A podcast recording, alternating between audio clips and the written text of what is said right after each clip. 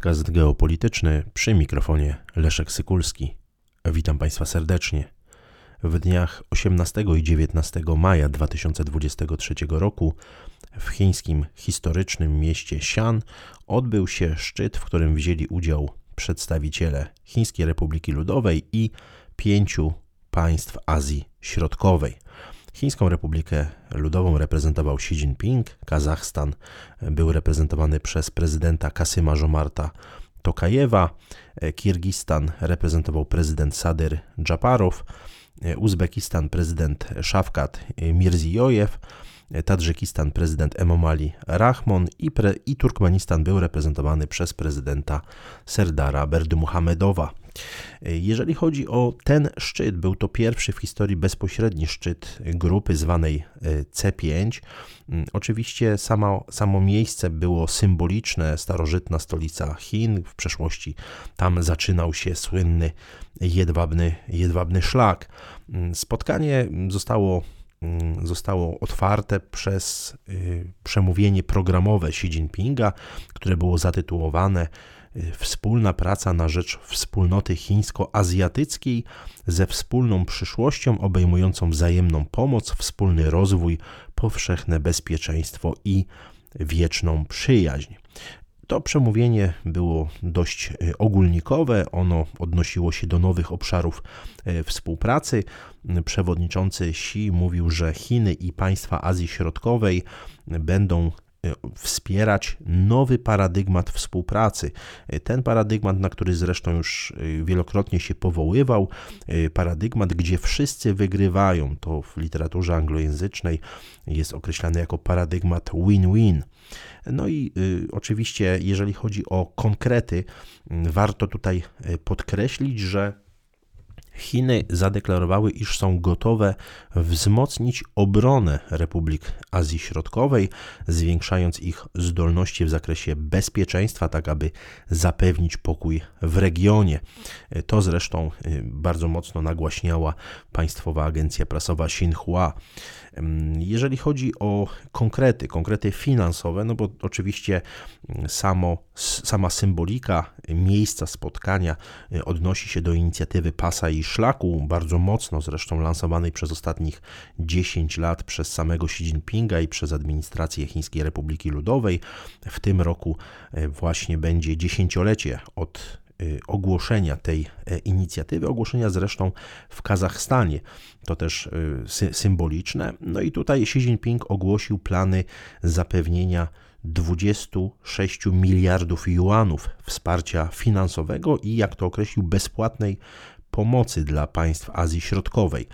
To jest mniej więcej 3 y, miliardy 600 milionów dolarów, przy czym warto podkreślić, że mm, przewodniczący Xi nie sprecyzował, gdzie dokładnie te pieniądze mają zostać wykorzystane, w jakich sektorach i konkretnie jeżeli chodzi o także konkretne państwa, jak ma być wykonany podział te, tych środków.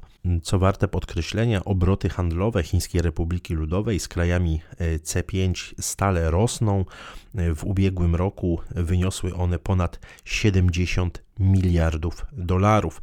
Warto także podkreślić, że 80% ładunków przewożonych y, do Europy y, z Chin właśnie przechodziło przez te, przez te państwa, przez ten region Azji Azji Środkowej.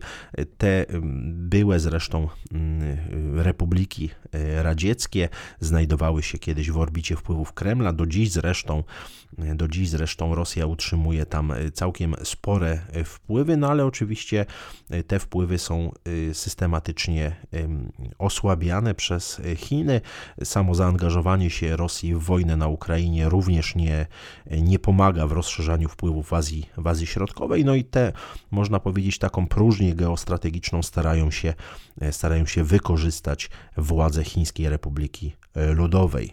Wielu komentatorów, mm, odnosząc się do tego właśnie szczytu, wskazuje, iż był on swego rodzaju przeciwwagą czy też odpowiedzią Pekinu na szczyt państw G7 w Japonii, który odbył się w dniach 19-21 maja. Wiemy doskonale zresztą, że Stany Zjednoczone starają się podejmować wysiłki na rzecz przeciwdziałania Chinom. Natomiast jeżeli chodzi o właśnie ten szczyt wsian, to tam postanowiono przekształcić szczyt Chiny-Azja Środkowa w wydarzenie cykliczne, odbywające się co dwa lata.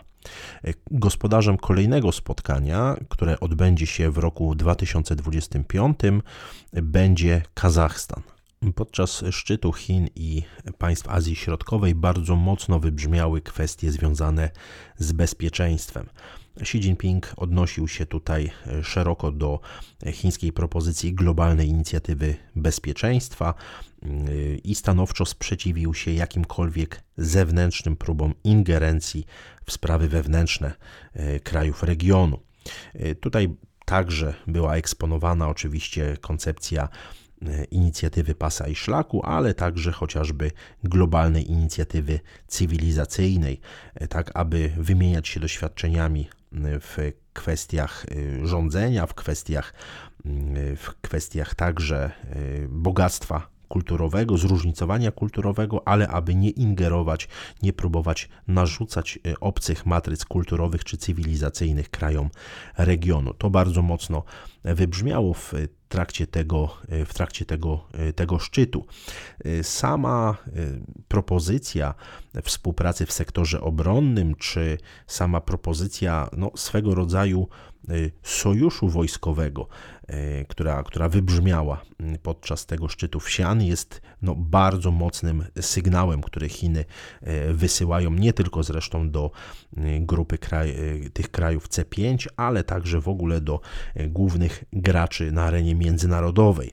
Widać to przesuwanie się stref wpływów, widać to, że Chińczycy mają ogromne ambicje, aby zagwarantować bezpieczeństwo nowemu jedwabnemu szlakowi, także pod kątem obronnym pod kątem bezpieczeństwa. Prezydent Xi podkreślił, że ten szczyt stworzył nową platformę i otworzył nowe perspektywy współpracy między Chinami a Azją Środkową.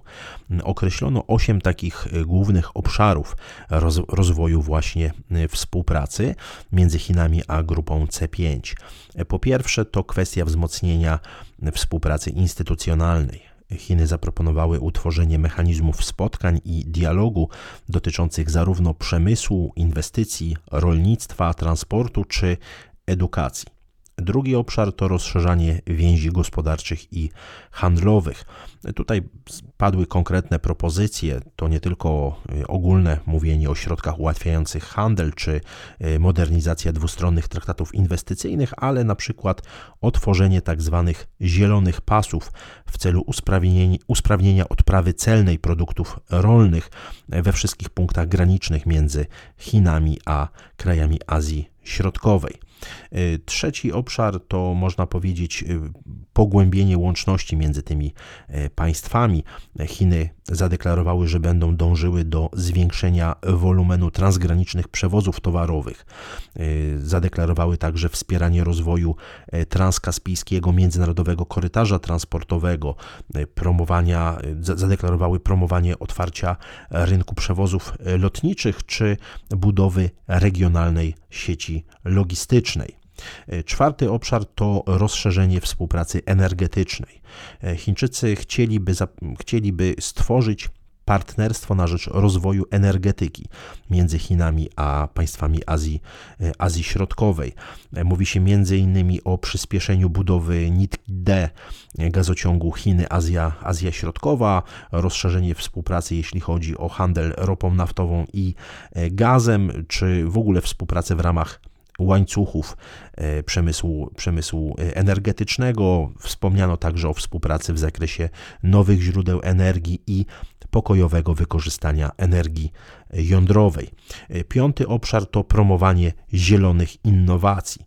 Tutaj Chińczycy chcieliby mm, tutaj współpracować z krajami Azji Środkowej, chociażby przy wykorzystaniu e, gruntów solankowo-alkalicznych.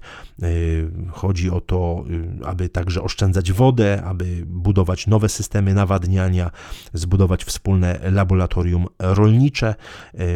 Mówi się także o pewnych wspólnych rozwiązaniach dotyczących kryzysu ekologicznego wokół jeziora Aralskiego, no ale także Chińczycy zadeklarowali wsparcie wsparcie dla firm high-tech, dla budowy parków przemysłowych IT w Azji Środkowej. No, bardzo szeroko, że tak powiem, zarysowany rozwój wspólnych, wspólnych technologii Mowa o nowych startupach, o, o także rozwoju nauki, technologii mm, w, w, obszarze, szeroko pojętym obszarze IT.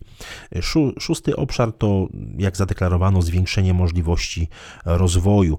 Chińczycy mm, zadeklarowali, że opracują specjalny program współpracy na rzecz, edu, na rzecz y, redukcji ubóstwa poprzez naukę i technologie.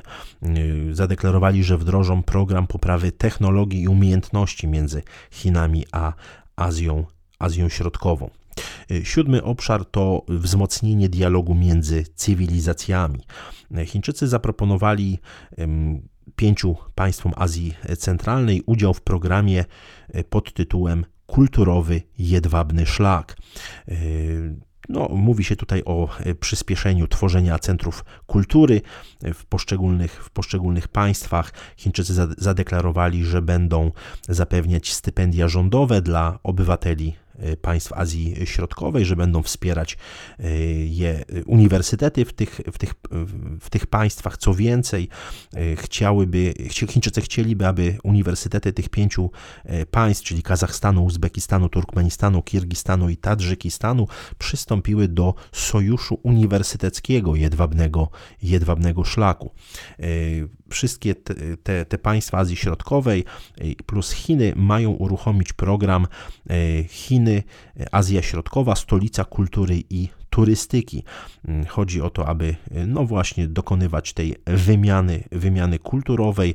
Mają być także otworzone specjalne połączenia kolejowe dla tak zwanej turystyki kulturowej w Azji, w Azji Środkowej. No i punkt ósmy, ósmy obszar to zapewnienie pokoju w regionie. Chińczycy zobowiązali się pomóc krajom Azji Środkowej we wzmocnieniu budowania zdolności e, w zakresie bezpieczeństwa i obrony, no i e, zwalczania terroryzmu mm, i promowania bezpieczeństwa e, cybernetycznego. Wspomniano także kwestię Afganistanu, chodzi o promowanie pokoju i odbudowę mm, tego, y, tego państwa. No, niewątpliwie Chińczykom udało się, mm, tak powiem, przełamać pewną złą pasę w relacjach, w relacjach międzynarodowych, chociażby skurczenie się inicjatywy 17 plus 1 do, do 14 plus 1. No wiemy, że, że w ubiegłym y, roku, w roku 2022, y, po, z, tej, z tego formatu współpracy Chin z Europą Środkową wycofały się Estonia i i Łotwa, wcześniej jeszcze, jeszcze Litwa.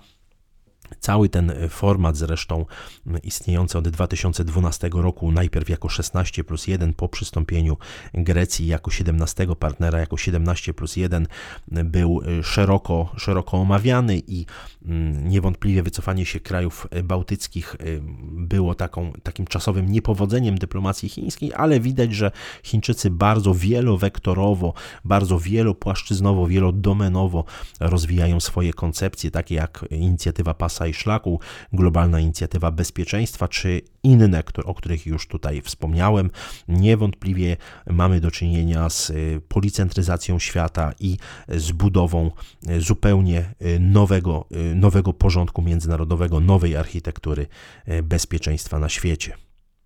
Dziękuję Państwu za uwagę.